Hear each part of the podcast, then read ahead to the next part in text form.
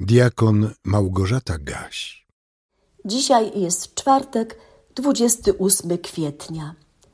W księdze proroka Izajasza w drugim rozdziale, wierszu czwartym czytamy: Pan rozsądzać będzie narody i rozstrzygać sprawy wielu ludów, i przekują swoje miecze na lemiesze, a swoje włócznie na sierpy. W dziejach apostolskich w dziesiątym rozdziale 36 wierszu czytamy: Posłał Bóg synom izraelskim słowo, zwiastując dobrą nowinę o pokoju przez Jezusa Chrystusa. On to jest Panem wszystkich. Jak wszyscy wiemy, ponad 60 dni temu Rosja rozpoczęła straszliwe, niszczycielskie działania na terenie Ukrainy. Coraz częściej straszy nas użyciem broni nuklearnej. Łamie podstawowe prawa człowieka, dopuszczając się okrutnych zbrodni. Kpi z zaleceń cywilizowanego świata. Wielu ludzi boi się wybuchu III wojny światowej, a zagrożenie wojną nuklearną stało się całkiem realne. Ale nie tylko w Ukrainie ludzie giną z powodu wojny. Nie tylko z Ukrainy uciekają w obawie o swoje życie. Teraz jednak bardziej to do nas dociera, bardziej nas dotyka, bo dotyczy sąsiedniego kraju. Ale prawda jest taka, że nieustannie w świecie toczą się wojny. Wystarczy, że wspomnę Syrię, Afganistan czy kraje afrykańskie, gdzie toczą się bratobójcze walki. Od momentu wypędzenia ludzi z raju na świecie toczą się mniej lub bardziej okrutne wojny. Zaczęło się od tego, że Kain zabił Abla. W całym Starym Testamencie jest wiele opisów zabijania, niszczenia, zdobywania. Dlaczego o tym przypominam? Przecież to wszystko wiecie.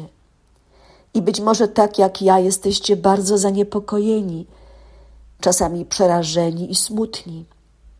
I próbujecie wołać do Boga w modlitwie: Panie, zmiłuj się nad nami, zmiłuj się nad tym zepsutym światem. Daj nam wyzwolenie od lęku przed śmiercią, od zagrożeń, jakie są realne ze strony ludzi, którzy służą szatanowi. Drodzy słuchacze, dzisiejsze wersety biblijne zachęcają nas do tego, by pomyśleć o tym, co stanie się w przyszłości, gdy dawca prawdziwego pokoju, Pan Panów i Król Królów rozpocznie swoje panowanie. Już prorok Izajasz zapowiadał pokojowe rządy Pana nad wszystkimi narodami.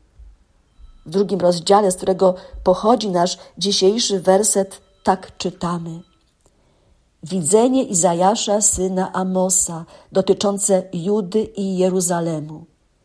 I stanie się w dniach ostatecznych, że góra ze świątynią Pana będzie stać mocno jak najwyższa z gór i będzie wyniesiona ponad pagórki, a tłumnie będą do niej zdążać wszystkie narody i pójdzie wiele ludów, mówiąc: Pójdźmy w pielgrzymce na górę Pana, do świątyni Boga Jakuba. I będzie nas uczył dróg swoich, abyśmy mogli chodzić Jego ścieżkami, gdyż z Syjonu wyjdzie zakon, a słowo Pana z Jeruzalemu. Wtedy rozsądzać będzie narody i rozstrzygać sprawy wielu ludów i przykują swoje miecze na lemiesze, a swoje włócznie na sierpy. Żaden naród nie podniesie miecza przeciwko drugiemu narodowi i nie będą się już uczyć sztuki wojennej.